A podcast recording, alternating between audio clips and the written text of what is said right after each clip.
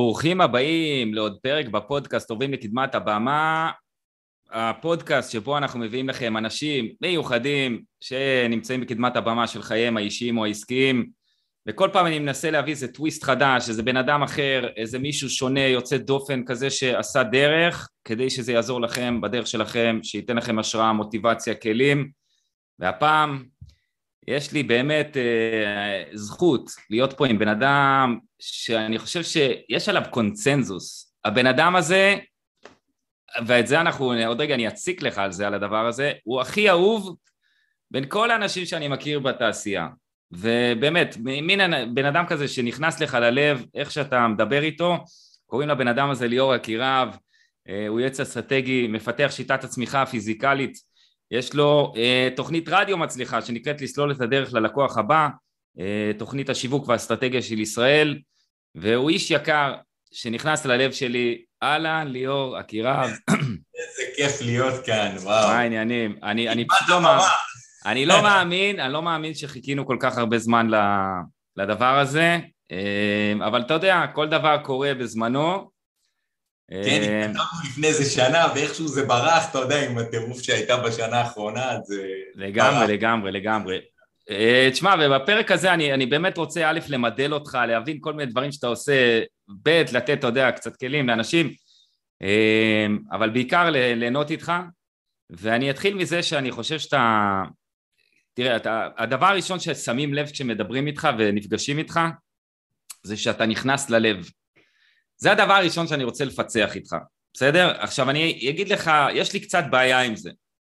כי מצד אחד, יש, יש בך, אתה כאילו טוב לב מהלך. זה, זה ככה אני רואה את זה, ואני אומר לך שאפו ענק על הדבר הזה. מצד שני אני אומר, בוא'נה, הבן אדם הזה לא מעצבן אף אחד. הוא לא, הוא לא כאילו בא רע לאף אחד.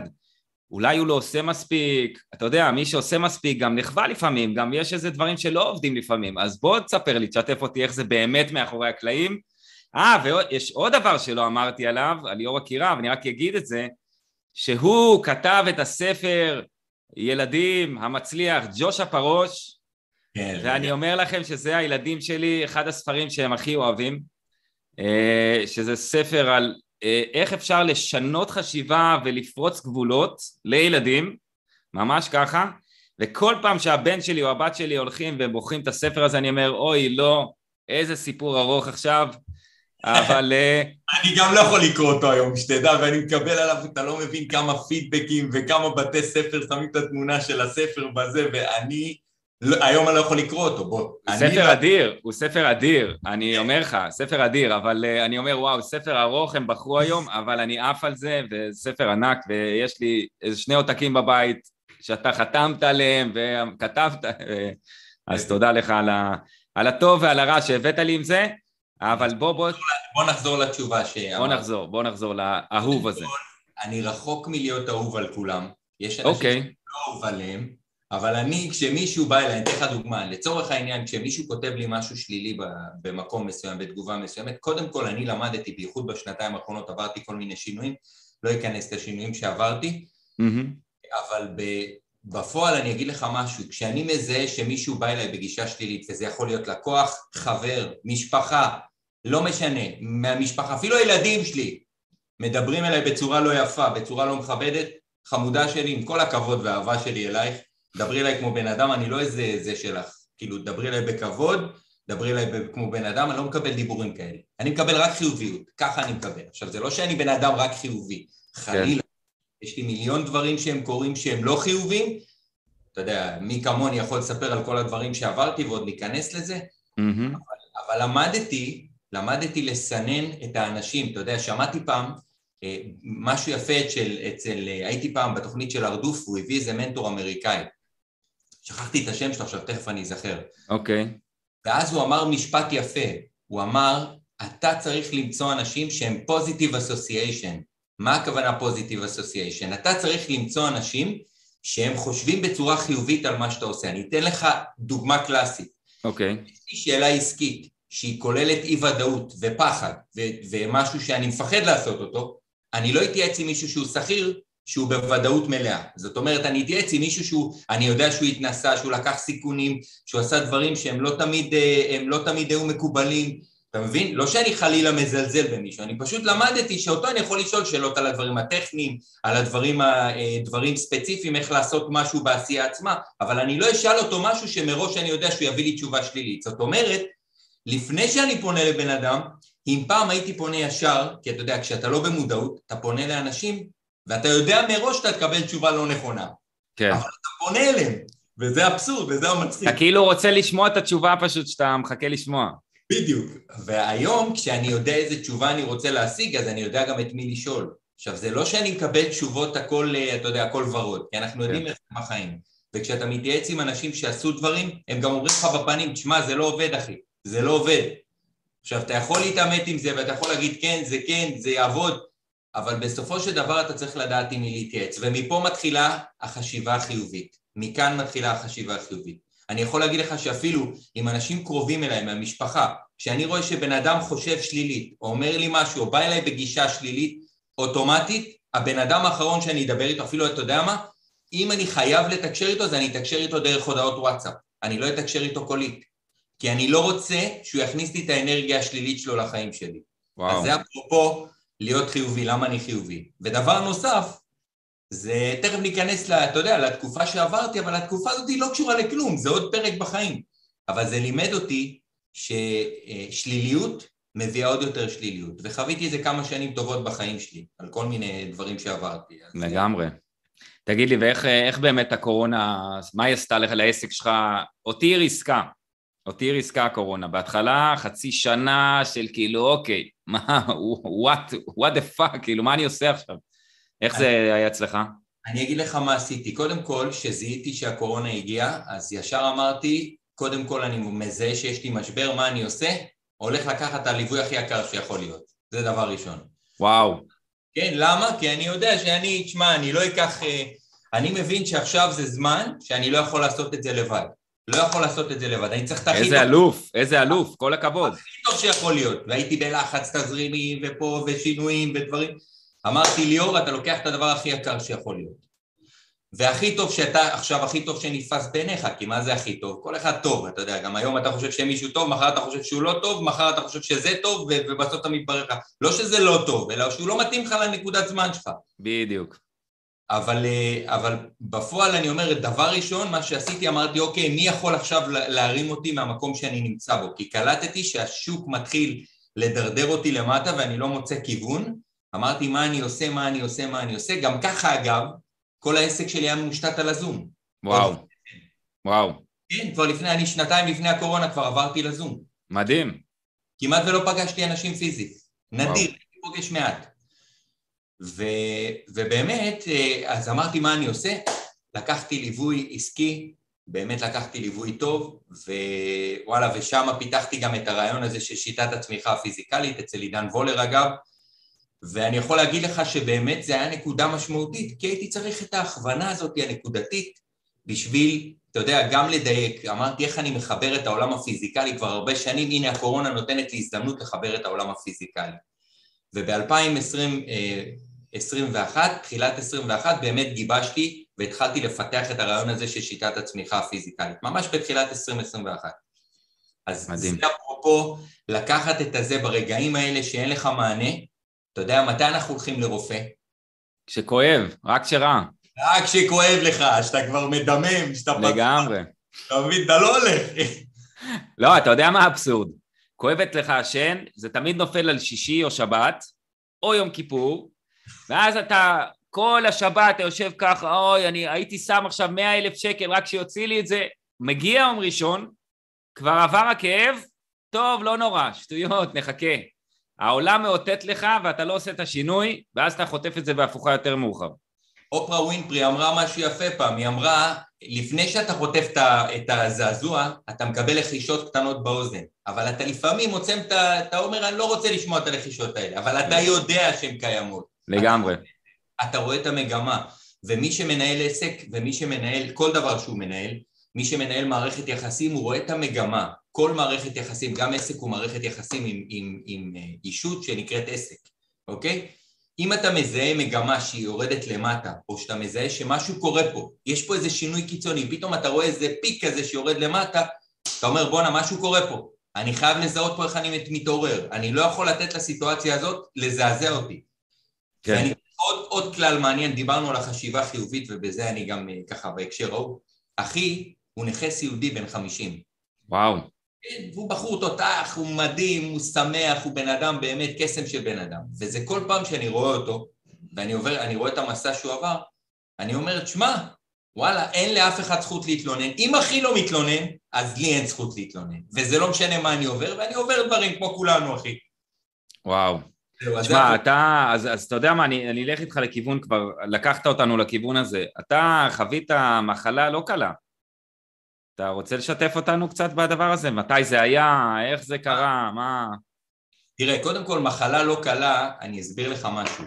וזה גם מתחבר לי לתחילת השיחה שלנו. כן. אני זוכר ש, שחליתי בסרטן, זה היה ב-2013. קודם כל, עד שגיליתי את הסרטן, זה היה טירוף. כמה מסעות עברתי, כמה סיפורים. אתה יודע, אני זוכר את הרגעים שאני נכנס לבית חולים ומישהי בודקת לי את הצוואר עם האולטרסאונד, אומרת לי, כמה גושים יש לך, איזה אחות שמה. וואו. נכנס לרופא והוא עושה לי NFA או איזה משהו, מכשיר כזה שמכניסים אה, לעשות ביופסיה. ואני מתחיל לבכות שמה. אני אומר לך, אני יצא, הוא אומר לי, אל תדאג, זה שטויות, אין לך מה לדאוג, מה, מי אמר בך, מה, מאיפה אתה יודע מה יש לך כבר, מה אתה כבר מסיק לי מסקנות? וואו. אני יצאתי שמה, ישבתי בבית חולים באיכילוב על המדרגות, חיכו לי בחוץ שמה, באוטו, לא רציתי להיכנס עם אף אחד, תמיד אני במקומות האלה הולך לבד, ישבתי שם שעה, בכיתי, שעה, בכיתי. וואו. עכשיו אני אומר לך, מה זה בכי? אני מספר את זה ואני כולי עם, עם צמרמורות. גם אני. כי זה, כי זה רגע שאתה פתאום מבין, אתה אומר כמה זה פסיכי, כמה, uh, פתאום אתה בא, רגע לפני אתה צוחק, הכל סבבה, ורגע אחרי אתה פתאום קולט, וואלה אחי, אני פתאום יושב, עכשיו מישהי אומרת לי, איך אתה באת אליי עכשיו עם כל הגושים האלה? וזה פחד. וואו. לא, אחרי זה תראה את הטלטלה, תראה כמה החיים מתהפכים מרגע לרגע. יצאתי משם, שבועיים אחרי מודיעים לי, תשמע, אין לך כלום. ואז איזה, אין לך כלום, הכל תקין, התאים מתים, הכל בסדר.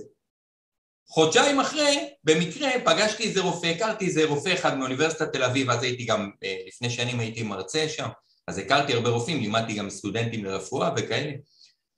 ואז אני זוכר, אני פוגש איזה רופא, שאמרתי לו, תשמע, אולי, אה, תשמע, אולי תיתן לי עוד אולטרסאונד, שנבדוק את זה עוד איזה חודש, חודשיים, אני אלך לעשות בדיקה בשביל, ה, בשביל השקט. אמר כן. לי, בסדר, לך תעשה.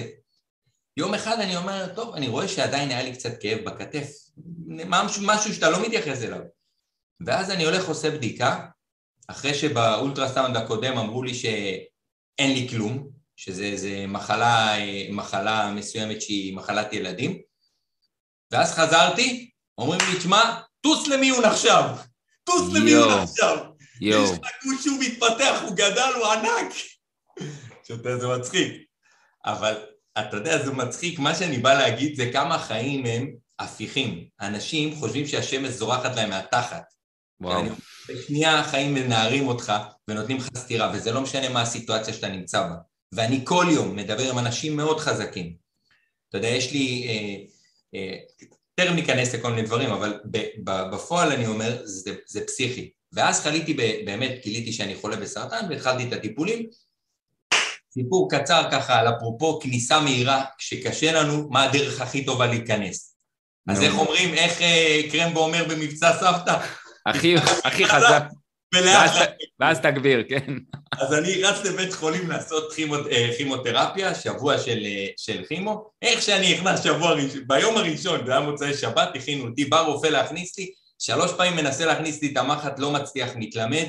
אומר לי, תשמע, נראה לי שאני אוותר. אמרתי לו, מה אתה מוותר? תקשיב, אתה באת, אתה המתנה שלי פה. תפרק לי את היד, אני אומר לו, תפרק לי אותה.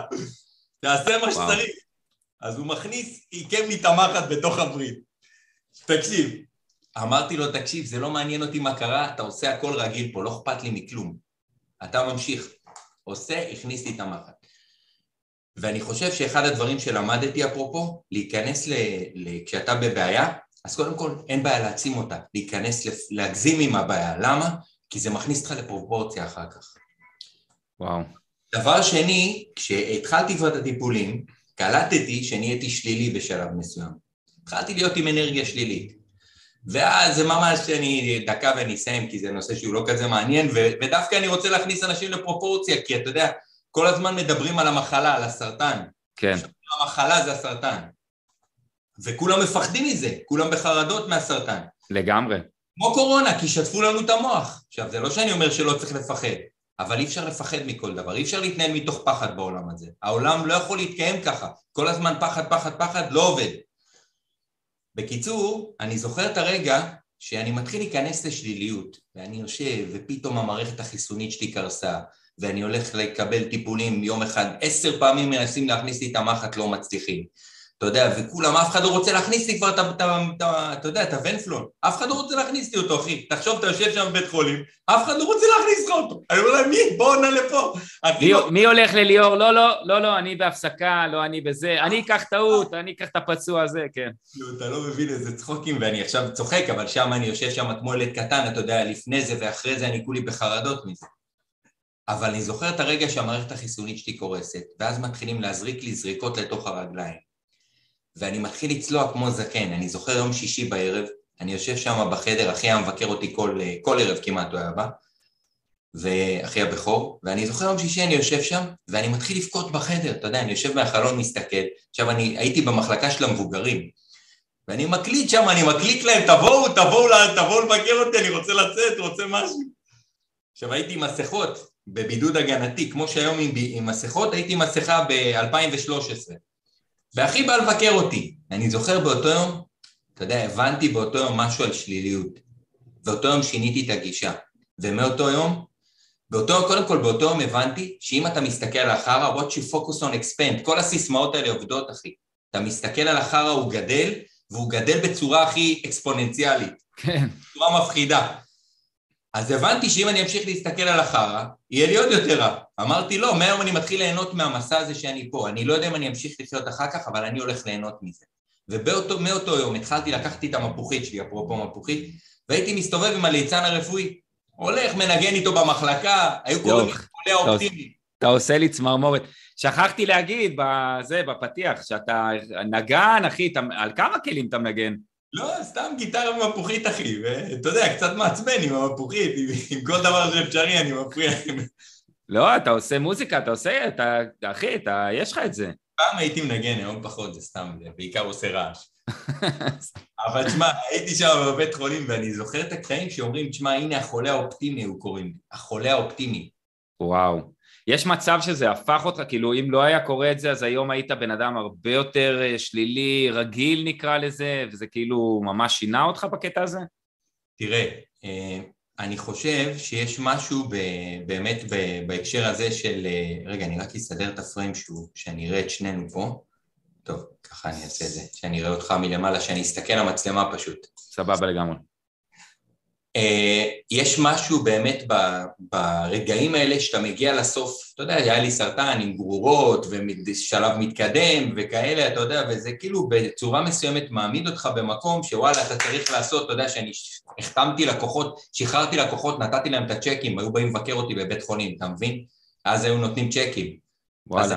הייתי לוקח את זה, וממש, אתה יודע, באים לבקר אותי ואני משחרר אותם, נותן להם את הצ'קים, נותן להם את הסיסמאות, הייתי מנהל להם קמפיינים אז, עושה כל מיני דברים, אתה יודע. ואני באמת חושב שיש משהו ברגע הזה שאתה מבין שהחיים יכולים להתהפך ברגע. כי אז אתה מפסיק להתעסק עם כל השטויות, כי זה לא משנה מה יש לך, מה אין לך, מה חסר לך, במה אתה טוב, במה אתה לא טוב. אתה פשוט מנסה לחיות עם מה שיש ואתה מסתדר עם זה, כי אתה לומד להיות מבסוט ממה שיש, כי הבנת מה יש בצד השני. כן. הבנת שוואלה, זה לא משנה גם מה קורה, אתה יודע מה הכי הדהים אותי? שהיה שם בן אדם חולה בין איזה 60 פלוס 65, הוא היה חולה סרטן, אמרו לו יש לך חודש לחיות. סיפור מדהים. ואז אומרים לו, בא אליו האחות, אומרת לו, תשמע, אם אתה עכשיו רופא, אומר לו, אם אתה תקבל כימותרפיה, אנחנו יכולים להאריך לך את זה לחודשיים. אתה רוצה שאנחנו ניתן לך כימותרפיה? אמר להם, אני רוצה, מה זה, איזה שאלה, רוצה לחיות עוד חודש. אתה מבין, אחי? אבל אמרו לו, אתה תסבול, זה לא פשוט, זה טיפול לא פשוט. לא אכפת לי, אני רוצה עוד חודש. אתה מבין? ואז הבנתי כמה, כמה אנחנו צריכים להעריך את הרגעים האלה, את הנשימות האלה שאנחנו נושמים עכשיו, לא, ב, לא בקלישה, אני לא מדבר פה בקלישאות, אני מדבר פה בהכי פרקטי. וגם אם אנחנו עוברים דברים, וגם אם אנחנו עוברים אתגרים, ואין פה אחד, אחי, אני נכנס לעסקים הכי חזקים, אני נכנס לאנשים, אני רואה איזה שיעורים, איזה דברים הם עוברים, אתה יודע, זה כאילו, אתה יודע, אתה מסתכל מהצד, אתה רואה את כולם, החיים שלהם נוצצים, הכל ורוד, הכל יפה, הכל טוב, כולם מעלים לאינסטגרם תמונות מחייכות, אתה יודע. זה לא עובד ככה, אתה יודע, בינינו כל אחד עובר אתגרים. אז זהו, אז זה המקום, ואני חושב שהסרטן הוביל אותי לשינוי חשיבה כי הבנתי משהו משמעותי, אבל נדבר עליו עוד מעט אולי בהקשר של אה, באמת, אה, אתה יודע מה אני אגיד את זה, איך, כן. איך דיברתי על זה אצל עם הרב פנגר, אמרתי איך ניצחתי את הסרטן, הוא שאל אותי איך ניצחת את הסרטן, קודם כל לא ניצחתי כלום, בוא נתחיל מזה. אבל מה, ש, מה שמדהים, הוואטסאפ מפריע לי פה בעיניים, אה, אז באמת הוא שאל אותי איך, איך ניצחת את הסרטן, אז אמרתי לו שני דברים, אחד, הבנתי שתמיד יכול להיות יותר גרוע, בגלל זה עכשיו הכי טוב, אפרופו חשיבה חיובית. כן. ודבר שני, שזה משהו שהוא משמעותי, זה שתמיד להיות יותר גדול מהסיטואציה.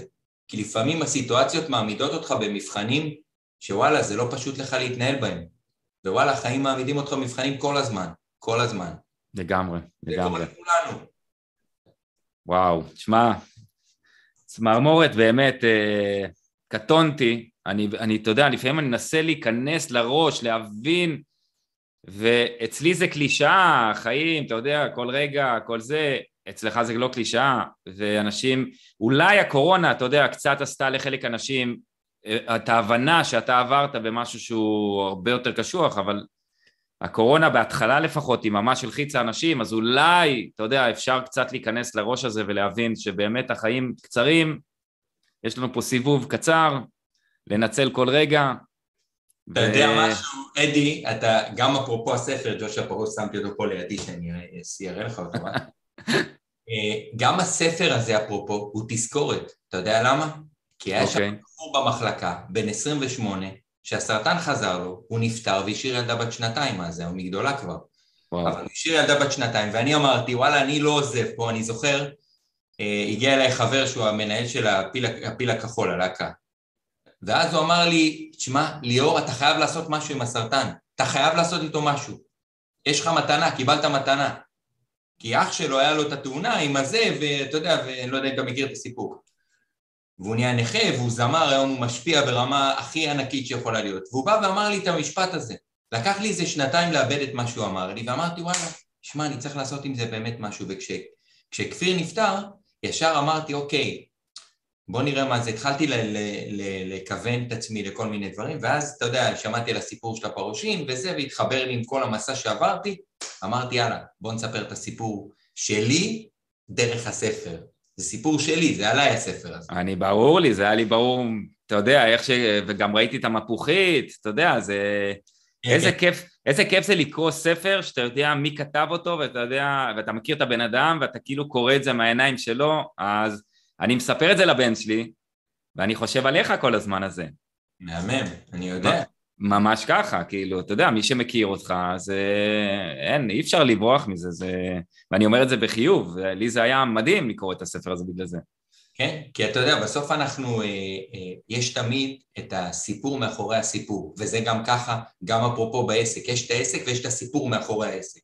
אז תמיד, כל הדברים האלה בסופו של דבר, זה הופך להיות החיבור שלך. קוראים לזה storytelling, קוראים לזה כל מיני סיפורים, שזה נחמד, אבל בסוף, בתכלס, אנחנו מונעים מתוך רגשות. כשאנחנו מכירים משהו אישי של בן אדם, אנחנו מכירים את המסע שלו ואנחנו רואים את זה בעיניים, אז אוטומטית זה עושה לנו משהו אחר שאנחנו קוראים את זה. הספר מקבל ערך רגשי אחר לחלוטין מעוד ספר שיושב לך על המדף. גם אני, יש לי הרבה, אני יש לי מלא ספרים, אתה יודע כמה סופרים ליוויתי בחיים שלי? עשרות. וואלה. מלא אנשים הוציאו אולי 12-13 ספרים, אני הוצאתי עם אנשים מסביבי. עכשיו אני גם כן... גדול. כן. עכשיו, זה מדהים שאתה יודע, שאני מסתכל על זה, אני תמיד אומר, כל ספר כזה, זה וואלה, זה משמעות, זה משהו הרבה יותר, אני יכול, אתה יודע, אני, לא משנה מה אני אעשה, אני תמיד אקח את הספרים האלה איתי. תמיד אני מחפש את הספרים עם החתימות, עם ההקדשות, כי זה, יש לזה משהו הרבה הרבה יותר גדול מכל דבר אחר. וואו, לגמרי, לגמרי. תשמע, והספר שלך, אתה יודע שאני, הוא יושב בין כל הספרים הרגילים על המדף, ויש לו, לו מקום, כאילו בלב, ואני רואה אותו שם, והוא ישר, אני מסתכל עליו, הוא מסתכל עליי, ויש איזו תקשורת, ו... שמע, מדהים. אז, אז כשחלית אז לא היית עם ילדים, אני מבין. לא, הייתי, הייתי עם הבת שלי, עזרה לי לכתוב את הספר הזה. אה, אוקיי. אז רגע, בת כמה היא הייתה? אז היא הייתה, כשאני חליתי הייתה בת אה, חמש, והבן שלי היה כאילו ממש, הוא היה בן שבעה, שמונה חודשים. וואו. והוא היה ממש קטנצ'יק. אתה יודע, אני זוכר אז השיר אבא של ילד, אה, ילד של אבא. ילד אבא, של אבא, כן. משנה, אבא של ילד, ילד של אבא, הוא אבא של הילד. אז אתה יודע, אז אה, אני זוכר, אני חוזר מהבית חולים ואני מחבק את הבן שלי, אני אומר, ילד של אבא, ושומע את השיר הזה, ווואלה, אחי, אני בוכה. אז זה אה, מרגש, כן? וואי, בא לי לבכות עכשיו, נשבע לך, זה, זה שיר שבטוח הרבה אנשים, אה, אתה יודע, מזילים דמעה בו, ומוקי עשה עבודה יפה שם. כן, בטח. איזה, איזה שיר. טוב, יפה. אז תשמע, בוא, אחרי שקצת אה, אנשים הכירו אותך, ואני, שוב, לשמוע את הסיפורים האלה, אני יכול עכשיו שעתיים לשמוע אותם, זה... אבל, אבל בוא ניגש קצת uh, לביזנס, סבבה? uh, אז בוא תספר לי קצת על אסטרטגיה, ומה ההבדל בין אסטרטגיה לטקטיקה, ולמה זה חשוב כזה אסטרטגיה, ובוא, תן איזה מילה ככה על, על העולם של אסטרטגיה. תראה, בוא נתחיל מקודם כל... ואתה יכול גם לזרוק כמובן מה זה על הדרך הצמיחה הפיזיקלית, אתה יודע. כן, אז בוא קודם כל נתחיל משיטת הצמיחה הפיזיקלית. שיטת הצמיחה הפיזיקלית זה בעצם, תשמע, היום כשאני עובד עם עסקים מתקדמים אז פחות אני מדבר על ה... פחות אני נכנס לפיזיקה וזה, וכאילו היום עסקים, כשאני מתחיל עם עסקים בדרך כלל תהליכים, ב... יש לי תהליכים של חצי שנה שאני מלווה אנשים, שזה תהליכים של, שוב, עסקים, גם שהם עסקים מתקדמים, אה, ואז שם אני משלב יותר, יותר את הדברים הפיזיקליים, כי זה, כאילו, אתה יודע, זו שיטה שהיא בהתאהבות עכשיו. אוקיי, okay, אבל מה, על מה היא יושבת? איזה עקרונות? מה, מה יושב שם? אין סוף עקרונות. כל דבר, אני אתן לך מהדברים הכי קטנים. אתה יודע, mm-hmm. בסוף כשאנחנו מסתכלים, אני מראה לך פה עכשיו, סתם לדוגמה, אני אראה לך פה רק כדי שתבין, כל הזמן אנחנו מדברים על שינויים, נכון? Mm-hmm. אתה מסתכל על זה למשל, זה שני מקטבים, אתה רואה? זה נקרא שני מקטבים. אוקיי. Okay. כמו זה המשקפיים, שיש את ה polarized במשקפיים. Mm-hmm, mm-hmm. אני עכשיו עושה שינוי קטן, אפרופו כל הזמן אנחנו מדברים על שינויים. שינוי קטן, תראה מה הוא עושה. אתה רואה את זה? כן. וואו, משנה את כל, ה... את כל התמונה. את כל ה... כן. כשאנחנו רואים את הדברים האלה, אתה יודע, כשאני מסתכל על הדברים הקטנים האלה, אני אומר, בסוף, כל החיים זה פיזיקה. כל החיים זה פיזיקה. Mm-hmm. אם אתה מדבר, אופרה ווינפרי, תמיד כשהיא מדברת על, על, על, על השראה, היא תמיד אומרת החוק השלישי של ניוטון, חוק הפעולה והתגובה. כי כל פעולה שאנחנו עושים, לפעמים אנחנו מתלוננים על התגובות שאנחנו מקבלים.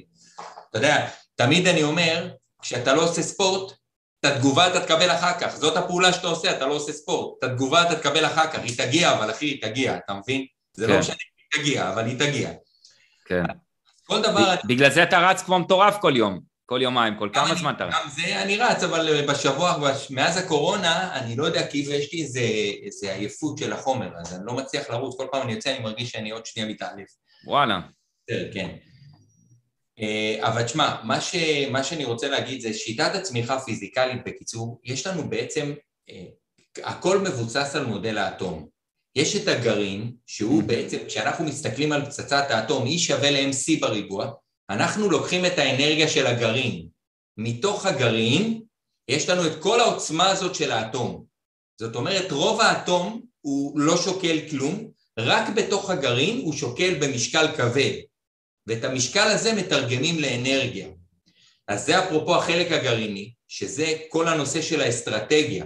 כשאני מסתכל על דברים, זה לפעמים אני, אני, אתה יודע, מוריד את זה לרמת השיווק, כשאני לוקח עסקים חדשים אז אני עובד איתם על שיווק ומכירה בחלק הזה. Mm-hmm. אבל על האסטרטגיה שם, לא על החלק השיווקי, לא על, הטק, לא על, האופ... לא על הפעולות עצמן. אוקיי. Okay. אז בעצם יש לנו את הגרעין, שהוא החלק האסטרטגי, וסביבו יש את האלקטרונים שמסתובבים באטום, שהם החלק הטקטי, אוקיי? Mm-hmm. ובתוך הח... החלק הזה החיצוני, כשהם עולים ויורדים, או זה, זה הפעולות שאנחנו עושים בעסק שלנו, כי כשאנחנו עושים פעולה אנחנו משנים את המצב האנרגטי של האטום שלנו. אוקיי. Okay. הוא יורד. ולפעמים הפעולה יכולה לשנות את המצב האנרגטי נקודתית, אוקיי? הוא יכול לעלות ואז הוא יחזור שוב פעם לנקודה הכי נכונה לו, הכי נכונה לאטום, זה עיקרון המאמץ המזערי. כל הזמן האטום רוצה להיות במינימום אנרגיה, תבין? אני אתן לך דוגמה, אתה מסיים יום, רצת, עבדת, לא משנה מה, אתה מגיע הביתה, אתה נשכב על הספה, נשכב על המיטה, אומר אני גמור, אני עייף, נכון? למה? Okay. כי אתה אוקיי. רוצה למצב של מינימום אנרגיה. ככה העולם בנוי. אנחנו בסוף יצורים שעשויים מאטומים, מחומר פיזיקלי, אוקיי? בסיסי. זה הטבע. כן. כל דבר בסוף, שאתה רץ, רץ, רץ, צריך לחזור אחורה ולנוח. זה אחד. בהקשר האסטרטגי, דיברנו על מה זה אסטרטגיה, מה ההבדל בין אסטרטגיה לטקטיקה. כן. תראה, יש קודם כל כמה רמות, יש את האסטרטגיה, יש את הטקטיקה ויש את האופרציה.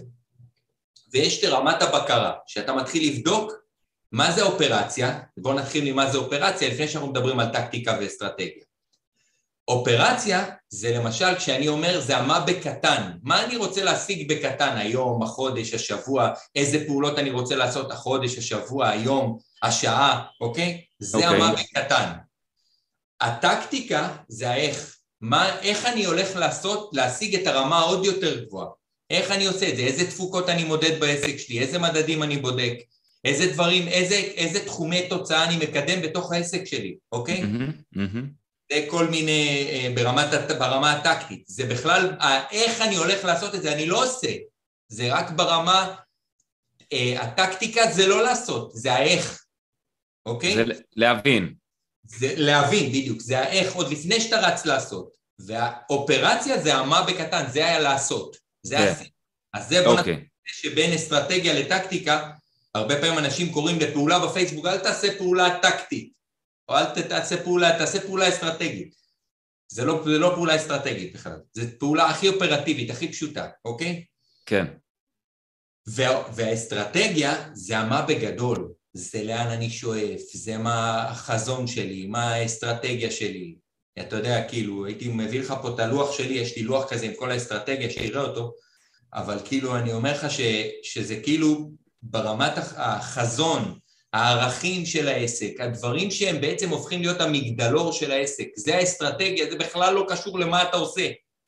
זה קשור להאם מה שאתה עושה משרת את המטרה הגדולה שאתה רוצה לעשות. אני אתן לך דוגמה פרקטית. למשל, כשאני מסתכל על הספר הזה, הפרוש, אוקיי? כן. אומר לי, תשמע, ליאור, איך זה קשור לאסטרטגיה? לעסק שלך. אוקיי. אני אסביר לך למה. כי ברמה, ברמה האופרטיבית, הוצאתי ספר, אחלה, מגניב. אבל ברמת האסטרטגיה, תמיד הספר הזה, המטרה שלו לעזור לאנשים להגשים את החלומות שלהם, לקדם את המטרות שלהם, להאמין בעצמם, להתחבר לערכים שלהם, אוקיי? כל מיני דברים. אז זה מאוד מתקשר לי לעולם האסטרטגי. גם הפיזיקה מתקשרת לי לעולם האסטרטגי, הכל מתקשר אצלי לעולם הזה, לתמונה הגדולה הזאת של האסטרטגיה. זהו. יפה, יפה, יפה. אם הצלחתי לך את הנקודה. ותשים לב, אתה, אני אה, נתתי קרדיט לזה שאתה כתבת ספר, לא דיברתי על זה שעשית שני תארים בפיזיקה, ומה עשית? מה... בוא תספר קצת על ה... תראה. על המוח שלך, מה קורה שם, אחי? אני אסביר לך מה קרה. ומתי הספקת לעשות את זה? הכל התחיל, תראה, אפרופו משברים, הכל התחיל מזה שאני בתור ילד נזרקתי ממסגרות, אתה יודע, למדתי, הייתי ילד בלאגניסט, אוקיי. אז היה לי פוני כזה, הייתי מסדר אותו, עושה ככה, מחליק אותו למעלה. כן, לא, זה לא מפתיע אותי, זה אחלה, זה יושב לי בול, כן. נכון. אז אתה יודע, זה מצחיק שהייתי בלאגניסט, ולאט לאט הייתי נכשל בכל הציונים. כיתה ח' סיימתי עם איזה שבע נכשלים, שבעה נכשלים, שתבין. וואו, וואו. ואיכשהו אימא שלי עם הקומבינות שלה הכניסה אותי לתיכון, 15 יחידות מחשבים. בן אדם מדלק מחשב לא ידע להדליק. אוקיי. אז קומודור 64, אתה יודע, אני לא יודע אם אתה זוכר, אבל... ברור שאני זוכר. אבל אתה יודע, זה מצחיק. אה, ואז הלכתי לבית ספר תיכון, נהייתי בלאגניסט, כל יום הייתי עושה שם טרור. למה? כל פעם היו, מה עושים? אפרופו פוקוס, שמו עליי את הפוקוס שלילי, אמרו, זה חרא, זה תלמיד לא טוב, כל הזמן, כל הזמן מפריע, נהייתי עוד יותר מופרע. כל פעם מזמינים את אימא שלי, אני אומר שתבוא עוד הפעם.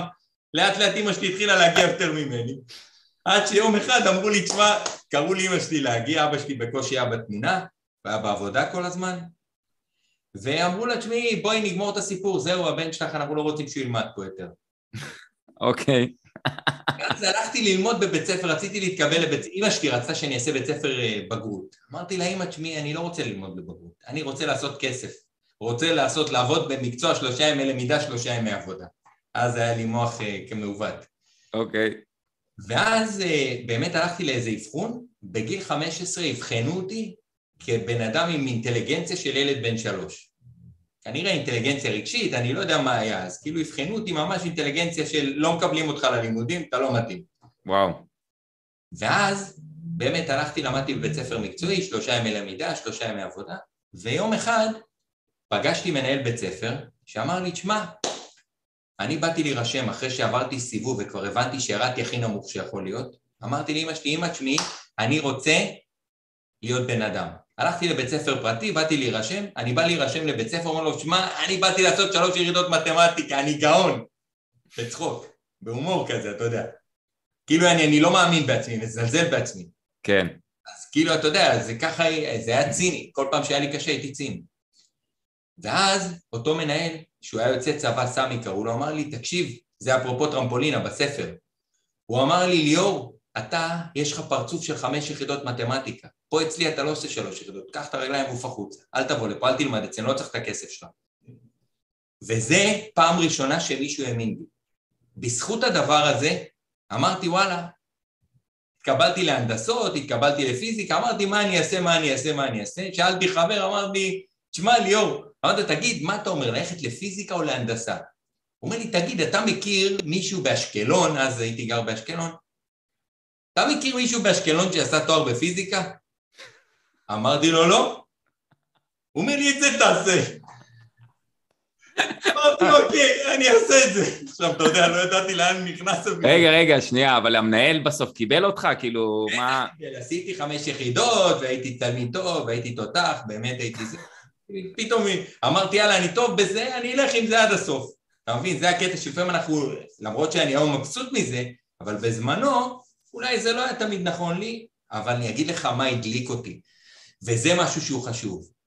אפרופו, למה לא ויתרתי? כי כל הזמן בלימודים היו שם מלא אנשים שהם בנים של פרופסורים, כל מיני אנשים תותחים. התחלנו איזה, אני לא יודע כמה מאות של אנשים, נשארנו ממש מעט. וכל הזמן עפים אנשים מהלימודים, כי הם לא מסוגלים לעמוד בזה. היום לא הייתי יכול לעשות את זה בחיים, כי אין לי את הדרייב הזה. אבל שאלתי את עצמי שאלה, ליאור, איך אתה כל פעם התחלת, עפו המעגל שלך, נשארת עוד הפעם לבד, הכרת אנשים חדשים, שוב פעם, הכרתי כבר את כולם, אבל אתה יודע, לאט לאט התחברתי לאנשים אחרים, כי הייתי צריך ללמוד בקבוצה. ואז אמרתי משהו מעניין. גיליתי שמה שנתן לי drive, שקודם כל הבת שלי שהיא נולדה, זרקתי את התזה, אה, שלושה ימים לפני שהיא נולדה, הנחתי את החמישה עותקים באנגלית, אפרופו, של המאסטר שלי, והנחתי אותם, ואני זוכר שמה שהרגשתי באותו זמן שהנחתי אותם, זה את הריפוי של זה שאומרים לי שאני יש לי אינטליגנציה נמוכה בגיל 15. Mm. מה שנתן לי את הדלק הסילוני, זה אותו בן אדם שאמר לי שאין לי יכולת, שיש לי אינטליגנציה נמוכה, בזכות אותו בן אדם עשיתי תואר שני בפיזיקה. אז לפעמים, אתה יודע, אה, ילדים מקולקלים, נועם חורב קורא לזה, מתקנים את העולם. אני אומר באמת, דווקא הקלקולים האלה בחיים, הם הופכים להיות הדרייב שאי אפשר לעצור אותך. אנשים יכולים להיות יותר טובים ממך, יותר חכמים ממך, יותר מדליקים ממך, יותר, הכל יותר טוב, אבל אם יש לך drive חזק, אף אחד לא יכול עליך, ולא יעזור. לגמרי, לגמרי, לגמרי, וואו, איזה, איזה מדהים, ואני כל כך מבין את מה שאתה עברת. אני אמנם לא קיבלתי, אתה יודע, אשרור לזה שאני עם אינטליגנציה נמוכה או משהו כזה, אבל אני גם הייתי מהמופרעים, וגם אני, כאילו אמרו תמיד, יש לו פוטנציאל, הוא לא ממצה אותו, וכל מיני כאלה. כן. והייתי מהסגנון שלך בבית ספר, אה, ואני מאוד מאוד יכול להתחבר לזה. ובסוף, אה, כן, זה נותן הרבה drive, וצריך לפעמים רק את האדם האחד הזה, את המבוגר האחד הזה שמאמין בך, וזהו, פה זה נגמר, ו... ואצלי זה גם היה, היה לי איזה מנהלת אחת שמאוד אהבה אותי, הייתי מבלה אצלה יותר מאצל המורים, אבל היא האמינה בי, היא האמינה בי, וכל פעם שבא הייתי מגיע אליה, היא תמיד הייתה אומרת לי, עוד פעם אתה עושה שטויות, עוד פעם זה, נו למה, עזוב, אנחנו שנינו יודעים שאתה יכול להיות איפה שאתה רוצה, אז אני כל כך מבין את זה. אמ, תשמע, אני רוצה לקחת אותך לשאלה, יש לך כבר הרבה, הרבה ניסיון עם מלא מלא בעלי עסקים. כן. ואני רוצה לשאול אותך, בסוף אתה יודע, סטטיסטית רוב העסקים לא מצליחים. נכון. רוב העסקים לא מצליחים, סטטיסטית רובם יסגרו בין שלוש, חמש שנים, שבע שנים, זרקנו פה, היינו אדיבים. על מה רובם נופלים? על חוסר מוטיבציה, חוסר בלמה, חוסר, אה, הם לא בונים אסטרטגיה, לא בונים מטרות ויעדים. תראה, יש כמה דברים. על מה? בוא אני אתן לך, זה אפרופו כוח משיכה. נתחיל כן. מעסקים חדשים. Mm-hmm.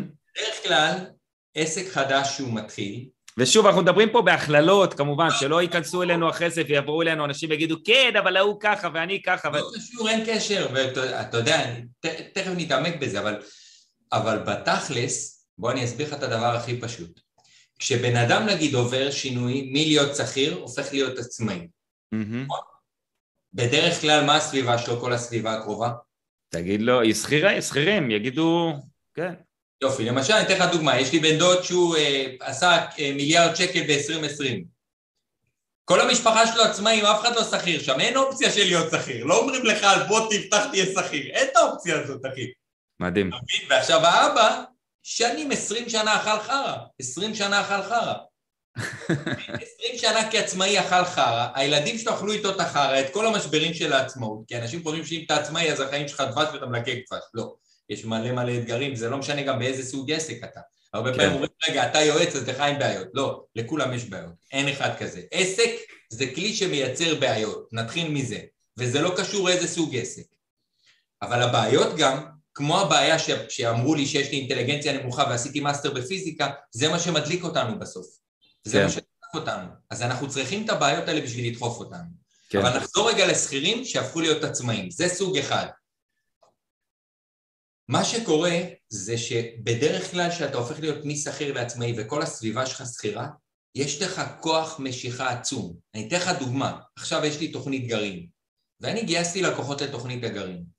כל החבר'ה שם, שהיו בתחילת הדרך, שגייסתי שכירים, היום אני לא מגייס שכירים, מישהו אומר לי שכיר, אני לא, תשמע, אני לא, אם אתה, כל עוד אתה לא יודע שאתה מאה אחוז עצמאי, אני פחות מעוניין לקבל אותך כלקוח. לא ממקום אה, שלילי, כי אני מתאכזב אחרי זה, כי אני משקיע בהם את הנשמה שלי, ואז אני רואה אותם מסיימים דווקא יצרו פריצה, והולכים לי אחורה.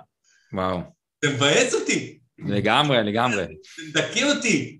אז אני אומר, אני יושב שם ואני, ואני, ואני קולט שמה שקורה לאנשים האלה זה שהם מתחילים לעשות משהו ואז הם נתקלים בצמיחה, הם צומחים, כי הם באים עם ניסיון, זה לא חבר'ה ילדים, זה חבר'ה בגיל 35-40 שכבר צברו ניסיון, בליווי נכון, הם עושים צמיחה מהירה, הם צומחים, ואז מה קורה להם? במקומות עבודה שלהם, אם הם עדיין שכירים, פתאום מזהים שהם באנרגיה אחרת. הם באנרגיה אחרת, הם בהתלהבות. ואז בעבודה שלהם רוצים אותם יותר, mm. ואז, לא רק זה, פתאום מקבלים הצעות עבודה כתובות יותר. למה? איך עובד הכוח המשיכה? לאן הוא מחזיר אותך? נו, למצב הנוחות? אחורה, כל הזמן צעד אחד אחורה, אתה מתקדם צעד קדימה, הוא יחזיר אותך צעד אחד אחורה, זה לא משנה מה אתה עושה. כן. ומה קורה לו באותו זמן שהוא מתחיל להתקדם? פתאום הוא רואה קצת כסף, פתאום הוא מתחיל להישאב לזה, פתאום הוא, בגלל שזה, אתה יודע, פארט טיים, משרת פארט טיים, הוא מתחיל לעבוד יותר שעות. ואז הוא מתחיל לייצר תוצאה, ואז אשתו אומרת לו, רגע, אבל אתה לא נמצא איתנו יותר. Hmm. פתאום הוא חוזר אחורה.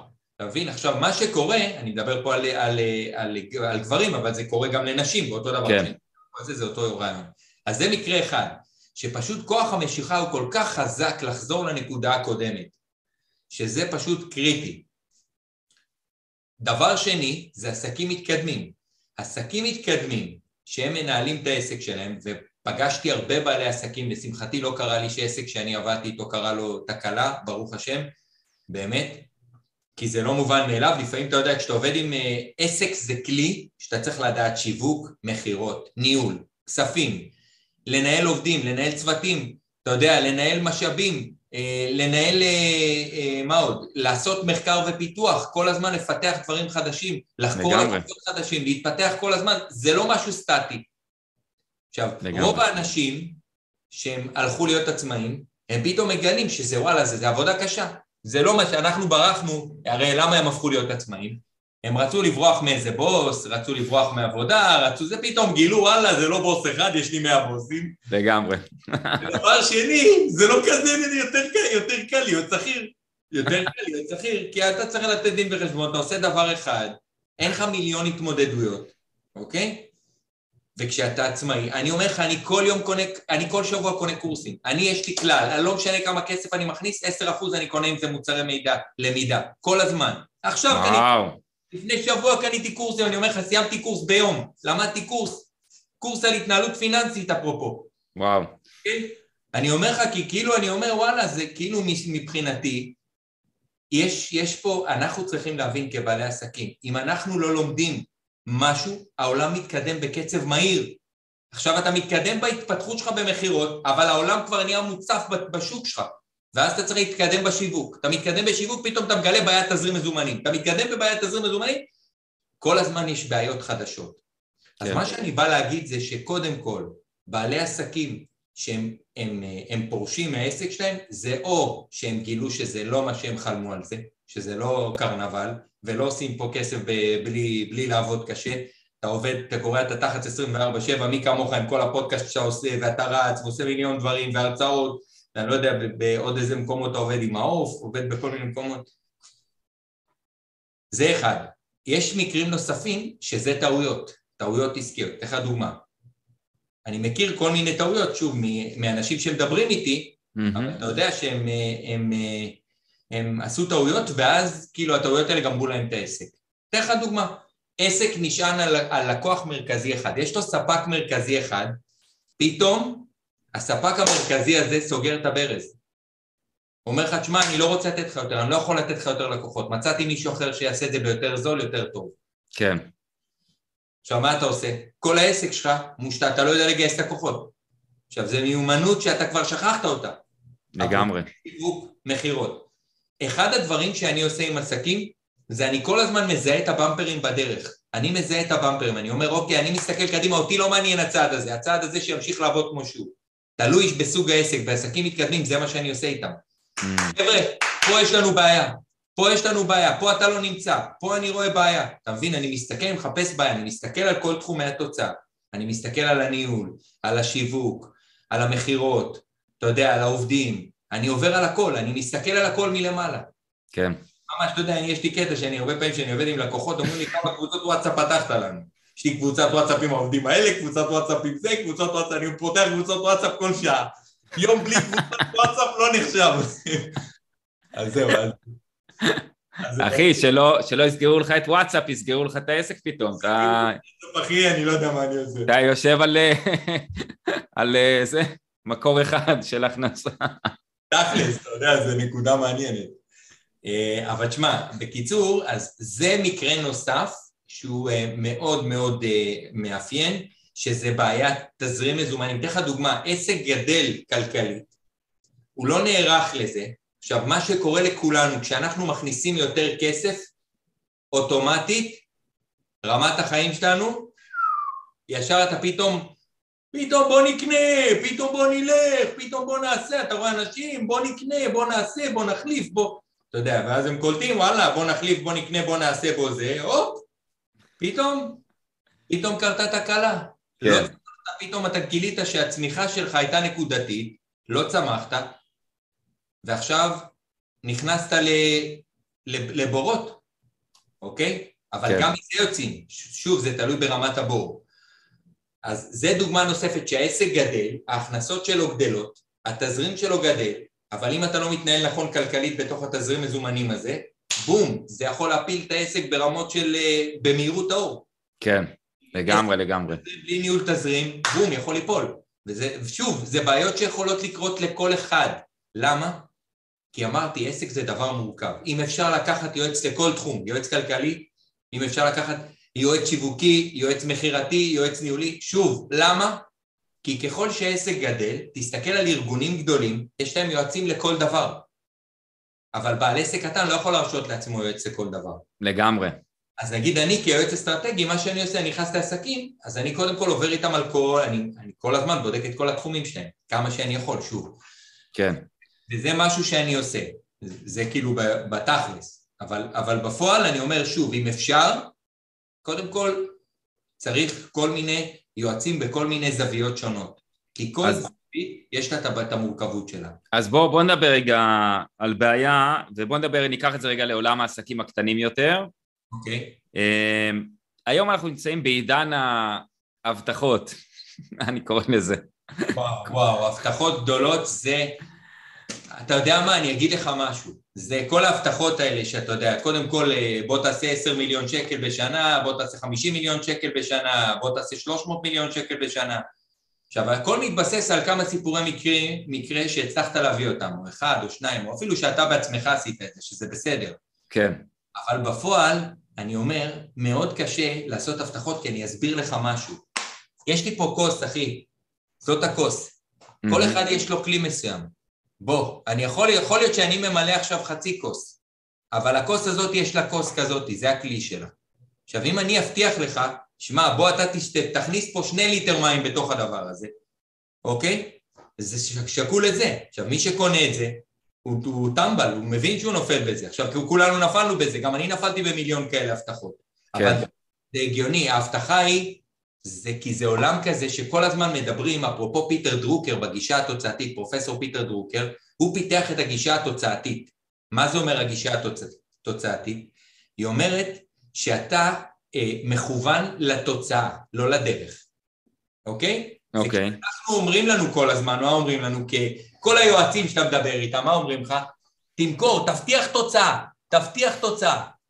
תבטיח תוצאה, אחי, תבטיח כן, תוצאה. כן. הבעיה, שנגיד מישהו יכול להבטיח לך הבטחה לחצי שנה, אבל בפועל התוצאה שהוא מבטיח היא לשנה, נתחיל מזה. זה הבטחה לא נכונה. למה? כי אתה לא יכול לעמוד בהבטחה הזאת. כן. הבנת? נגיד אני אגיד לך עכשיו בוא תשמע בוא תעשה 17 מיליון שקל בשנה או 5 מיליון שקל בשנה או מיליון שקל או 2 מיליון או 100 אלף שקל בחודש או 200 אלף שקל, לא משנה המספר mm-hmm. אבל אם אתה בעצם מבטיח משהו כזה והטווח זמן שאתה עובד עם בן אדם הוא לא הטווח הנכון זה בסדר, יכול להיות שהוא גם יגיע לזה אבל ההבטחה, עצם ההבטחה היא לא נכונה. היא לא, לא מדויקת, היא, היא לא... והיא לא אמיתית בסוף אז. היא לא אמיתית, כי, כי מה קורה? לא שהיא, תראה, יכול להיות שעוד שזה, לא שאני חלילה אומר, אני אומר כולנו עושים, אני, אני באמת חושב שכל היועצים האלה זה יועצים תותחים, כל מי שמבטיח הוא גם תותח, כי מי שמתחייב לדבר כזה גם יש לו ביצים. כן. ביצים. אז הוא תותח, נתחיל מזה. אבל גם צריך לשים לב להבטחות האלה, ואתה כבן אדם שאתה קונה את השירות, להבין שיש לזה, שאתה צריך להבין, אם אני קונה שירות לחצי שנה ומבטיחים לי שאני אעשה איקס שקלים בשנה, אז איך אני יכול לעמוד, מה, מה קורה יום אחרי שאני עוזב אותו? האם אני ממשיך לעשות את מה שעשיתי קודם? מה קורה לנו אחרי תהליכים? יכולה להיות נפילה, יכולה, כן. נפילה אחר כך. למה? כן. כי זה כוחו של, של הרגל, זה החיים, ככה החיים עובדים. אתה עולה למעלה, אתה מסיים תהליך, לא משנה איזה תהליך, אתה יודע מה זה מזכיר לי? הייתי אצל אלון אולמן. אוקיי. אני, אני יוצא מהאירוע שלו, המלך הזה, אני מת עליו. בזכותו התחלתי לרוץ, התחלתי לעשות ספורט. ואני אומר לך, אני יצאתי מהקוד המנצח עם ערן שטרן אגב, והוא. וואו, מזמן. כן, ב-2011 או משהו, לא זוכר איזה שנה זה היה. ואני יוצא משם, אני זוכר בדרך לאוטו, אני מתחיל לבכות, אחי, אחרי ששלושה ימים לא ישנתי, יומיים אני בוכה, אחי. וואו. יומיים אני בוכה. אתה מבין? כאילו, זה פסיכי לחלוטין, זה מסוג הדברים שאתה יודע, מציפים אותך רגשית, אתה נכנס לדיכאון אחר כך. אז אני אומר, בקטעים האלה אתה מבין שההבטחות האלה צריכות, אנשים צריכים להפעיל שיקול דעת. כשאתה קונה הבטחה, קודם כל תבין מה הסיכון מול מה הסיכוי. אם יש לך מה לסכן, ואתה מוכן לסכן את זה, אז אין לך סיכון, הכל בסדר, אז אתה מוכן לקחת את ההבטחה הזאת באהבה גדולה, וזה בסדר. כן. וגם הסיכוי הוא, אתה אומר שאתה תצמח, אם אני אצמח בסכום הזה שהוצאתי, זה בסדר, אוקיי, פחות או יותר החזרתי את ההשקעה. ו... אבל אנחנו תמיד צריכים להפעיל את העניין הזה של סיכון מול סיכוי, סיכון מול סיכוי. זה המפתח שצריך להנחות אותנו בבחירות שאנחנו עושים. עכשיו, זה לא תמיד, לפעמים אין לך כבר מה לסכן, שזה גם מקרים. הבעיה, הבעיה אצל, אני חושב שאצל הרבה בעלי עסקים קטנים זה שהם אומרים אוקיי, אם אני לא עובר את זה ולא צולח את זה טוב, אני לוקח סיכון כבר שהוא מכניס אותי טיפ טיפה לבור וזה קורה אצל הרבה בעלי עסקים קטנים. לפעמים, לפעמים, תראה, תסתכל, אם אתה שומע את כל הסיפורי הצלחה של כל המנטורים הגדולים, קח את כל המנטורים הגדולים, ממה הם צמחו? בוא, קח את טוני רובינס. תמיד, תמיד זה היה, מה זה תמיד? ברוב המקרים זה הם באו מאשפתות, או מאיזשהו סיפור קשה, או מאיזשהו... אתה יודע מה, בוא ניקח את רונן גפני, רונן גפני שעשה את uh, פרשביז. הוא מכר את הדירה שלו. מכר את הבית שלו כדי להצליח. נכון, הוא עשה, אבל הוא עשה הרבה דברים נוספים. הוא ויתר על הרבה דברים בדרך בשביל ההצלחה. לגמרי. אתה מבין? אבל רונן גפני זה מקרה שלנו פשוט. אני אומר, בוא תיקח את המנטורים, קח את ג'ים רון האגדי, שהוא מספר על המסע שלו, אתה יודע, אמנם זה סיפור, אמנם זה storytelling, אבל זה לא storytelling, זאת אמת. אתה יודע מה? אתה יודע כמה אנשים חיים את המשפט הזה, too much month at the end of the money, אחי. איזה משפט חזק. אתה מבין? אתה מבין מה ש... רגע, חבר'ה, חבר'ה, מי שלא מבין, רוצו לשמוע את ג'ים רון. אני יודע שאתה מת עליו, אני יודע, אני גם, אני מת עליו. כן. רק, רק להקשיב לו, לבן אדם הזה, אה, באמת, חפשו ביוטיוב, הוא אמנם לא כבר, הוא כבר לא חי, אבל... זה בן אדם... נכון. זה פשוט בן אדם שאי אפשר לא להקשיב לו שעות על גבי שעות, זה מדהים. כן, קניתי כמעט כל דבר אפשרי שלו, באמת, כל מה שהם מוכרים, עד היום דרך אגב מוכרים באתר שלו, שזה מצחיק, שזה רק מראה שהחיים ממשיכים עוד אחרי שאתה נפטר עוד הרבה שנים. לגמרי, לגמרי, לא, הוא פרנצ'ייז, אחי, זה לא, זה לא כן. צחוק. אז אה, זהו, אז מה שהתחלתי להגיד זה שבאמת אה, גם המנטורים הגדולים, כולם חוו את הנפילות האלה. עכשיו, מה אנחנו שומעים? בסוף, תראה את התת מודע שלנו, אתה היית לימדת NLP וכל הנושא של תת מודע. Mm-hmm. אז אנחנו שומעים את הסיפורים האלה, ומה קורה לנו אחר כך? אה, אנחנו, אתה יודע, יכולים לקבל השראה מזה, ויכולים... את המציאות הזאת, כולנו, אנחנו מוצפים בשטיפות מוח של סיפורי השפתות, נכון? Mm-hmm. ככה בנויים כל הפאנלים הכי גדולים בעולם, מסיפור השפתות, ואז בעצם אתה שומע את הסיפור השפתות, ובלי, לא במודע, אתה יודע, זה כמו שאתה בוחר שיר לשמוע, איזה שיר בחרת לשמוע, תבדוק איזה שיר אתה אוהב הכי הרבה, תקרא את המילים שלו, תראה מה המצב התודעתי שלך, אחי. אוקיי, okay. מעניין. ככה, עכשיו, אתה בחרת מנטור עם סיפור מסוים, אתה יודע, כל אחד יש לו את הסיפור. אני אומר, כשאתה שומע את הסיפור, הוא שותה לך את המציאות, הוא מייצר לך את המציאות הזאת. Mm-hmm. הרבה פעמים, כשאנחנו לוקחים, נגיד שאתה לוקח עכשיו ליווי, ואתה אומר, די, אני הכל, הכל מבחינתי זהו, הכל נגמר, אני מוכן לקחת להמר על עצמי, להמר על עצמי. הרבה מאיתנו מהמרים על המשפחה, על הכסף, על הכל מוכנים להמר. כי כשאתה הולך ואתה מאמין במשהו, אתה מוכן לשלם עליו הכל. כן. כל מסיר אפשרי. כן. זאת אומרת, זה כמו שאתה לא מוותר על ילד, ככה אתה לא מוותר על העסק שלך. מישהו בעל עסק והוא רוצה להצליח בעסק שלו, וזה לא קשור לא, לאיזה נקודה הוא נמצא, זה קודם כל מזה, מתחיל מזה שהוא לא מוכן לוותר עליו. עכשיו אם יש לו ילד, חס וחלילה, אני לא יודע, יש לו איזה ילד בעיה עם איזה מחלה, או ילד, או ילד אוטיסט, או ילד, זה לא חס וחלילה, קורה, קורה הרבה, אוקיי? אז אני אומר, אז מה, אתה מוותר על הילד שלך, אחי? Uh, תשמע, אני אגיד לך, ממה שאני רואה, אני חייב להודות, שהרבה מאוד אנשים לא, לא עד הסוף מאמינים בעצמם, וזאת בעיה מאוד מאוד גדולה. ואני יכול להבין אותם, כן? אני יכול אה, גם להתחבר לזה לפעמים. גם אני לפעמים קם בבוקר ואומר, מה באמת? איך אני הולך לעשות את זה? איך אני אעשה את זה? ואז כשאתה בא להמר, כביכול על תוכנית ליווי, או על, או על משהו, או על לפתוח בעצמך משהו, לשווק אותו, ואז מתחילים כל הדאוטס וכל העניינים, ואתה מתחיל, רגע, אבל כן, אבל לא, אבל כן, אבל לא, והנה עבר חודשיים, והנה עבר חצי שנה, והנה אתה כבר מאמין פחות בעצמך, בגלל שאתה כבר עשית פחות, נכנסת לכדור שלג שלילי ובסוף אה, גם העסק נסגר הרבה פעמים.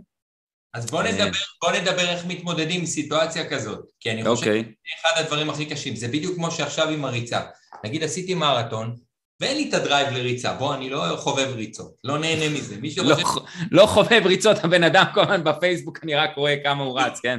הריצה, הריצה מבחינתי, תזכור שאני גם, אני לא יודע אם שמעת את השיחה עם הרב פנגר, אבל לא, לא, לא יצא לי. בבאגר, אני אמרתי אצלו שאני אעשה מרתון. ההוא כל הרצאה דיבר עליי. היה לו סרטן, הוא הולך לעשות מרתון עכשיו, הולך לעשות מרתון. אחי, טמטם את כל העולם. אמרתי, אני מסיים את המרתון, טבריה, רצתי אחי חודש וחצי, לא יכולתי ללכת על הרגליים, אבל סיימתי את המרתון. וואו. אבל מה הקשר ל, לריצה? עכשיו אני, אני אגיד לך. זה כמו בריצה. עכשיו אין לי מטרה. אין לי מטרה. למרות שאני רוצה לעשות מרתון עוד מעט, אבל זה לא מטרה אמיתית שלי. כן. אתה יודע כמה קשה לצאת החוצה ולרוץ אתה יודע מה זה מבחינתי לצאת לעשרה קילומטר ריצה? זה fucking כוח משיכה אגרסיבי, מחזיר אותי הביתה, אני לא מרגיש טוב, אני חוטף קורונה, אני חוטף זה, אני לא יודע מה, כי אין לי כוח לרוץ, אחי. וואו. אין לי כוח נפשית לרוץ. עכשיו, תחשוב שמישהו בעסק שלו, הוא לא באמת, אין לו מטרה. הוא יכול להגיד שהוא רוצה לעשות 17 מיליון שקל, הוא יכול להגיד שהוא יעשה 100 מיליון שקל, הוא יכול להגיד שהוא רוצה להיות בחופש כלכלי, אבל אין לו מטרה אמיתית, כי אם הייתה לו מטרה אמיתית הוא היה קם ועושה את מה שצריך. הוא יודע שהוא צריך לצאת לרוץ עשרה קילומטר, אבל הוא לא רץ. אתה מבין? וזה בקיצור, מתחיל... מה שאתה בא להגיד לי, שורה תחתונה, כשהלמה שלך מספיק חזק, אתה יכול לאכול כל איך. זה, ש... זה לא סיסמה. כשאין לך את הלמה הזה, אז הכל מתמסמס. כל המוטיבציה נעלמת מהחלון. מאוד חזק. אני חושב שתראה, אם אתה לא מצליח לעשות משהו, אתה יודע, הרבה פעמים אתה מנסה להשיג מטרה מסוימת ואתה לא משיג אותה. זה קורה לכולנו, יש לנו תחומים שאתה כן. רוצה להשיג מטרה ואתה לא מצליח להשיג את המטרה הזאת, ואתה רושם אותה כל שנה, ואתה רושם אותה 17 שנים כבר, ואתה מה שאתה רוצה, ואתה לא משיג אותה. אתה לא משיג את המטרה הזאת, אוקיי? אוקיי. אתה מכיר דברים כאלה? אתה מכיר תופעות כאלה שאתה רושם מטרה ואתה לא משיג אותה? בוודאי. יופי. עכשיו, למה אתה לא משיג את המטרה הזאת? אולי היא לא מטרה. כי אולי קודם, אולי היא לא המטרה שלך. יכול להיות, אולי אני סתם רושם כי, אתה יודע, אנשים רושמים לוח חזון, הם רושמים, יאכטה, הבן אדם מפחד מים, לא מעז להיכנס כן. למים. אתה מבין? זה כאילו, אני אומר, אני אומר תמיד, הקטע הוא, אה, אתה הרבה פעמים כשאתה שומע, כי אנחנו מוצפים במלא תוכן, מלא מידע, מלא בלבול, זה עולם של שפע דמיוני לחלוטין. לגמרי. שפע זה הוא לא אמיתי, כי אתה יודע, אתה רואה אנשים שהם כל היום עושים, כל היום חיים באיזה חיי התעוללות וכאלה, וואלה, הכל טוב. אבל אני אומר, זה עולם לא אמיתי, כי בסוף אתה, כל אחד מאיתנו צריך את הפינה שלו, את הסביבה שלו, את האנשים הקרובים אליו, אתה יודע, את הדברים הבסיסיים, זה, זה מבחינתנו הדברים החשובים. כל השאר, אתה יודע, זה כאילו, בסדר, זה נחמד, אבל זה לא מה שעושה את ההבדל. כן. והרבה מאיתנו מוצפים ממטרות של אחרים שאומרים לנו, גם ג'ים רון כל הזמן אומר, גם, גם הרשימה, אתה יודע, יש לי את הספר הרשימה, אני כל הזמן נותן אותו מתנה. של יובל אברמוביץ', כן. פתח לי את הראש למיליון דברים בחיים. Mm-hmm. הרשימה הזאת היא גם הרבה פעמים, אתה קולט שאתה רושם את אותה מטרה. אני אתן לך דוגמה, אני עם המרתון. 11 שנה לקח לי לעשות, 10 שנים לקח לי לעשות מרתון, אחי. וואו. 10 שנים. עכשיו תגיד, רגע, ליאור, איך זה יכול להיות? יש אנשים בחצי שנה קובעים עושים מרתון. איזה כיף להם. וואלה. בסדר, לא, מה, זה לא לגמרי. זה הם, זה לא אני. לי לקח נכון. עשר שנים. זה כמו שאחד לוקח לו, בגיל חמישים הוא מתחתן ומביא ילדים, ואחד, אה, אחד, לא יודע מה, כל אחד עובר את הדרך שלו. זה כל אחד יש לו את הדרך שלו, את הקצב שלו. לפעמים, אתה יודע מה עצוב בזה? שאתה לא משיג את המטרות שאתה רוצה? שאתה לא מכבד את עצמך. שאתה לא במודעות, שאתה כאילו אומר לעצמך, אתה יכול לרשום מטרות, אתה בהתפתחות אישית, אבל אתה לא באמת בהתפתחות אישית, כי אתה, מה קורה? אתה שם לעצמך דברים שמורידים אותך למטה. הם לא מעצימים אותך. ממה אתה צומח בסוף? רק מהעשייה בסוף, רק מדברים שזה. מהצלחות, נכון, מזה שאתה עושה משהו, אתה מציע, אתה עושה משהו קטן, נכון, נגיד עכשיו רצתי קילומטר, ראיתי שאני מרגיש טוב יותר, וואלה איזה כיף, פתאום ראיתי שאני קצת יותר שמח, עם יותר drive, פתאום הראש שלי קצת יותר חזק, אז אני, אני עף על זה. אז, אז באמת אני אומר, צריך הצלחות קטנות, צריך לראות שאתה מתקדם לעבר המטרה שלך. אם אתה לא מתקדם לעבר המטרה שלך, קודם כל כנראה שזאת לא המטרה שלך. יכול להיות. זה אחד. זה, אז זה לגבי העניין הזה. אה, עוד משהו שרציתי להגיד על זה? לעשות שטיפות. יובל שוורצמן אומר כל הזמן שטיפות לעשות, שטיפות מנטליות. אני קם, אני שומע את אופרה ווינפרי, שם לי אותה ברקע, אני יכול ללכת לשירותים, לא משנה לאן אני הולך, אני שם אותה ב full volume כשאני בבית, כשאני לבד. שם אותה ב full volume כל הזמן, אחי, full volume, שוטפת לי את המוח. למה? זאת הדרך היחידה להישאר צמוד למשהו שאתה רוצה. בקיצור, אתה מאוד מאמין, וגם אני אגב, ברמת הסביבה. כל מה שאתה, ויש משפט שאומר, שאני חוזר עליו גם בהדרכות שלי מלא, אתה הופך להיות הממוצע של חמשת האנשים הכי קרובים אליך. וכשאתה היום בעידן הדיגיטלי אתה גם יכול להיות קרוב לאופרה ווינפרי לצורך העניין ולקום איתה בבוקר וללכת איתה לישון איך שתרצה לשמוע את זה, לראות את זה, אבל uh, בגדול אתה יכול לשלוט במה אתה שם לידך ומי נמצא לידך כדי שיאכיל לך את המוח בדברים שאתה רוצה. נכון, ואתה יכול למשל לעשות פודקאסט כמו שאתה עושה ולהביא את כל האנשים שאתה רוצה, כמו שאני עושה תוכנית רדיו, שאני מארח את כל האנשים, אתה יודע. לגמרי. חזקים שיכולים להיות, והכי כיף לי, ואתה יודע, וכל פעם אני פוגש אנשים מדהימים, וזה כיף, ואתה באמת עושה את זה. ו... אבל אני חושב שבאמת הנקודה הקריטית זה השטיפות מוח האלה הם לא סתם נועדו, כי אני אגיד לך משהו, אנחנו מוצפים בעולם שיש בו מלא מידע שרץ לנו מתחת לפני השטח. אתה בקבוצות וואטסאפ כל היום שולחים לך דברים על ההוא, על זה נאנס, זה קיבל קורונה, זה ככה, כל היום שוטפים לך את המוח ברעל. כן. אתה לא מודע לשטיפות מוח שעושים לך, אתה אומר, אני לא אשמע את אופרה ווינטרי, אבל מה אתה לא שומע? אתה לא שומע את כל השטיפות מוח הקטנות ששולחים לך הקלטות בוואטסאפ, ששולחים לך סרטונים, שאתה פותח אותם ואתה רואה אותם, שאתה גולל בפייסבוק ואתה רואה כל מיני שטויות, אתה רואה דברים שליליים.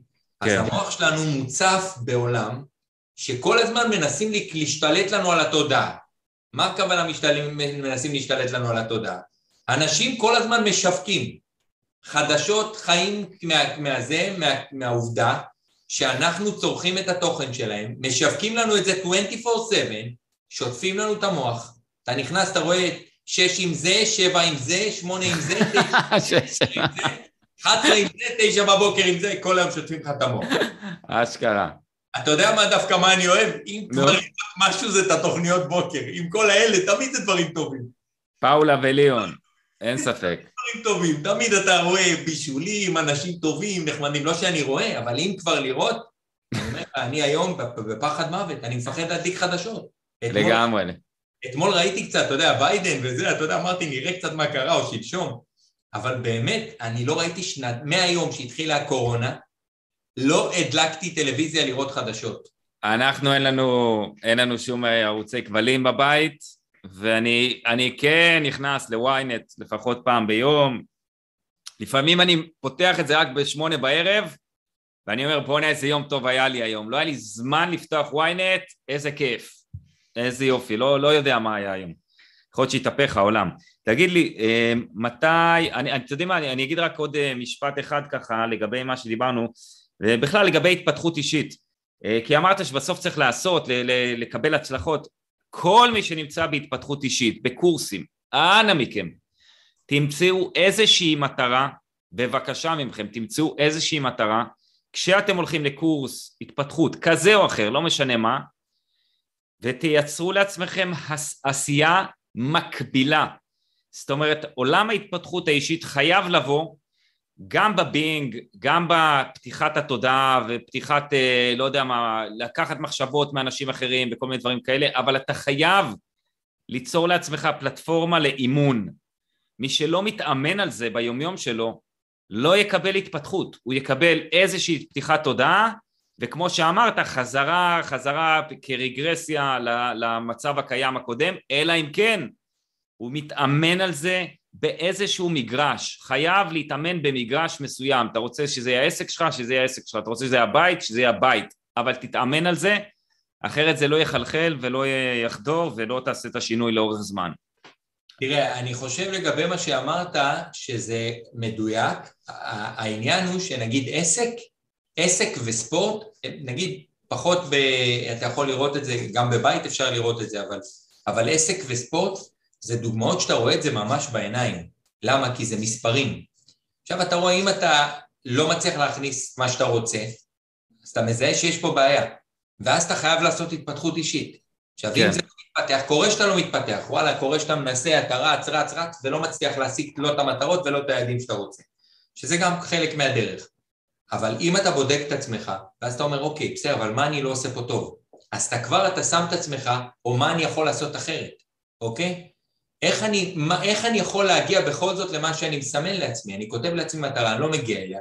מה כן ייתן לי את הדרייב לעשות את זה? מי כן יכול לקחת אותי לנקודה הזאת, להוביל אותי לשם? כי כן. בסוף, מה, אני, עסק הוא גורם לך לשאול את עצמך שאלות כל הזמן. לקוח עוזב אותך, אתה שואל, רגע, מה אני עושה לא בסדר? למה הוא עוזב אותי? אוקיי? אני רוצה לבדוק את עצמי למה הוא עוזב אותי, כי אם הוא עזב אותי עכשיו, זה לא אכפת לי שהוא עזב אותי, אבל אני רוצה להבין מה לא בסדר אצלי. לא אכפת לי מה, מה לא בסדר אצלו, כי עליו אני לא יכול להשפיע. כן. אני יכול להשפיע עליי. וזאת נקודה משמעותית, כי כשאנחנו עושים משהו בעסק, אנחנו יכולים לקבל ביקורת גם מלקוחות, גם מאנשים שאנחנו עובדים איתם, גם משיתופי פעולה, הכל בסדר. אבל בסוף אנחנו אלה שאחראים על הכל. הכל האחריות שלנו, שום דבר לא קשור בחוץ.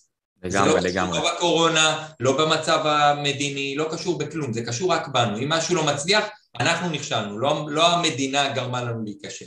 לגמרי, אוקיי? לגמרי. יכול להיות שגם לה יש חלק, אבל אנחנו אלה שנכשלנו. וזו תובנה שהיא שמה אותך במקום שאתה פתאום שואל שאלות, ואז אתה חווה התפתחות. בגלל זה עסק הוא כלי התפתחות הכי טוב שיכול להיות. מדהים, מדהים. כמה שאלות ביס לסיום, כי אנחנו ככה, ממש ככה כבר נמצאים פה זמן, תקופה. אה, ספר או סרט שהשפיע עליך ככה ממש? אני אגיד לך איזה ספר, אה, הסרט האחרון, שזה סרט שהוא משמעותי, אה, זה הסרט של מקדונלד שכולם מדברים עליו. אה, אוקיי. ושם הוא מדבר על הנושא של system ים. כן. system, כי אתה יודע, הוא קורא לזה The Speedee System, המערכת המהירה של מקדונלדס, שבעצם, שזה חלק ממה שיצר את מקדונלדס, אבל זה לא היה בסוף הסיפור. הוא משחק שם מעולה, מייקל קיטון, איך קוראים לו? אה, משהו, לא, לא זוכר.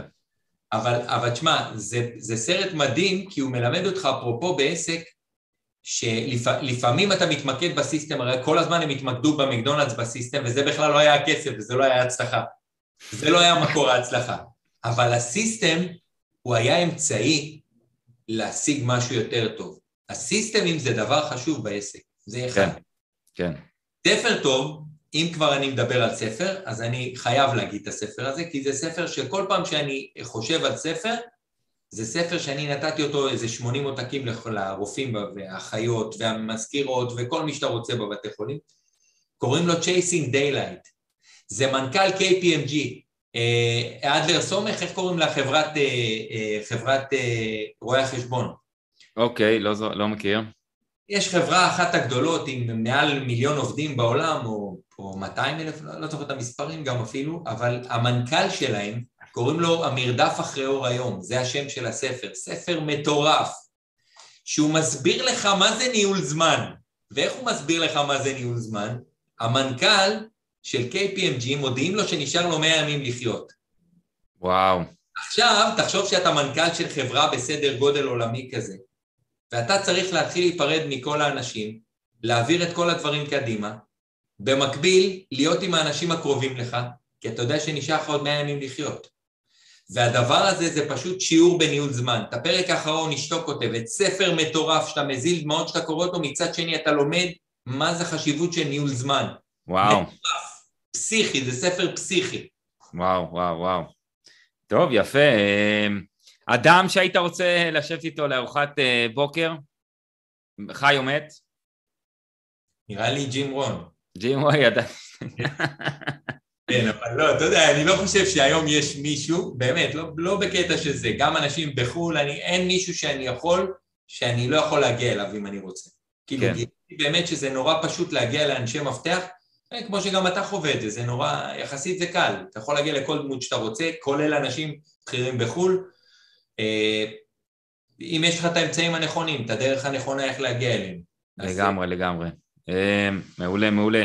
תגיד לי משהו שהיית אומר לליאור שלפני עשרים שנה, עשר שנים, חמש עשרה שנה אחורה, שלושים שנה אחורה, משהו שהיית עכשיו אומר לליאור של פעם? להתחיל, אה, קודם כל, אם הייתי אומר לליאור של פעם, זה ליאור של פעם,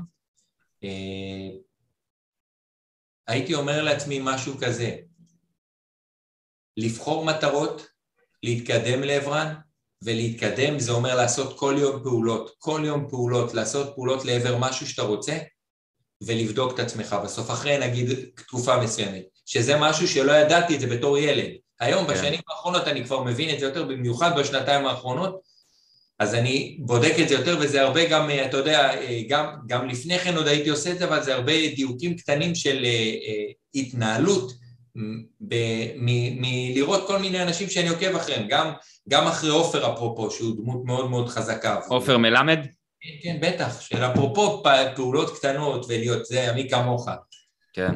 אה, אז אתה יודע, גם הפעולות הקטנות האלה זה מה שמקדם אותנו בסוף, ולזכור שאנחנו צריכים לשמור על איזון כמה שאפשר, שזה לדאוג לאנשים הקרובים לנו, שזה להיות בקשר עם, עם ההורים שלנו, אתה יודע, שזה כאילו לעשות ספורט, לשמור על הבריאות שלנו. אתה יודע, אני, אני רואה ילדים קטנים, אני רואה נגיד את הבת שלי, ואני רואה שהיא לא שם, את הבן שלי הוא יותר שם, אבל אתה יודע, זה החיים, כאילו, אתה מבין שילד חושב אחרת מבוגר, אז אם הייתי חוזר אחורה, אולי הייתי אומר לעצמי קצת להיות יותר, יותר חדור מטרה, קצת יותר למצוא את הדרייב, כי לא ידעתי את הדברים האלה.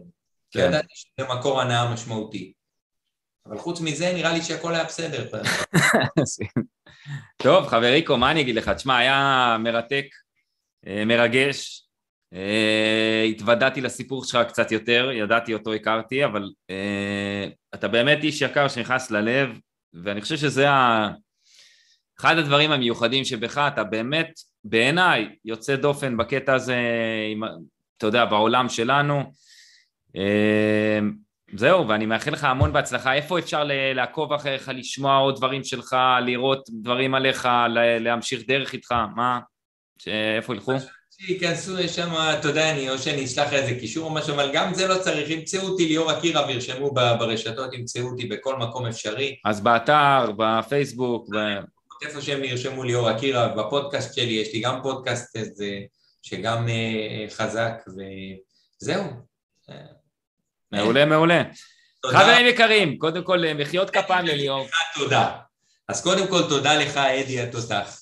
כיף, אנחנו כבר מכירים הרבה שנים. נכון, נכון. אה, וואלה, וזה... אני ישר כשראיתי אותך עוד שהתעסקת אז במכירות ולימדת מכירות. נכון. שחזרת מארצות הברית או משהו, אני לא זוכר את הסיפור שלך, אבל... אה, כן, כן, כן, כן, הייתי שמונה שנים בארצות הברית.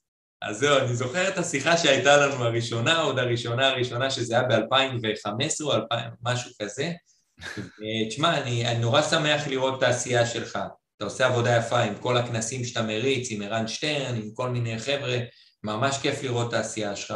תמשיך לעשות טוב, ווואלה, ואיזה כיף לראות את המשפחה שלך צומחת ואת הקטנים שלך כאלה חמודים. לגמרי, לגמרי. כן, כן. תעשה טוב. חיים. יפה, תודה רבה. חברים יקרים, מחיאות כפיים לליאור אקירה והאלוף, ואנחנו רוצים גם להגיד תודה לכם, לכל מי שהאזין, או צפה, או יצפה. אם אתם מאזינים בספוטיפיי, אתם מוזמנים גם לשים לנו שם דירוג, אה, עדיף חמש כוכבים, וגם באפל, לא יודע מה. בקיצור, אם אתם יכולים לדרג, זה נחמד. אם אתם ביוטיוב, אז אתם מוזמנים לכתוב בתגובות מה לקחתם מהפרק, מה אתם הולכים ליישם. ואנחנו נתראה בפרק הבא של עוברים לקדמת הבמה, חברים יקרים, תודה רבה לכם, ביוש. ביי.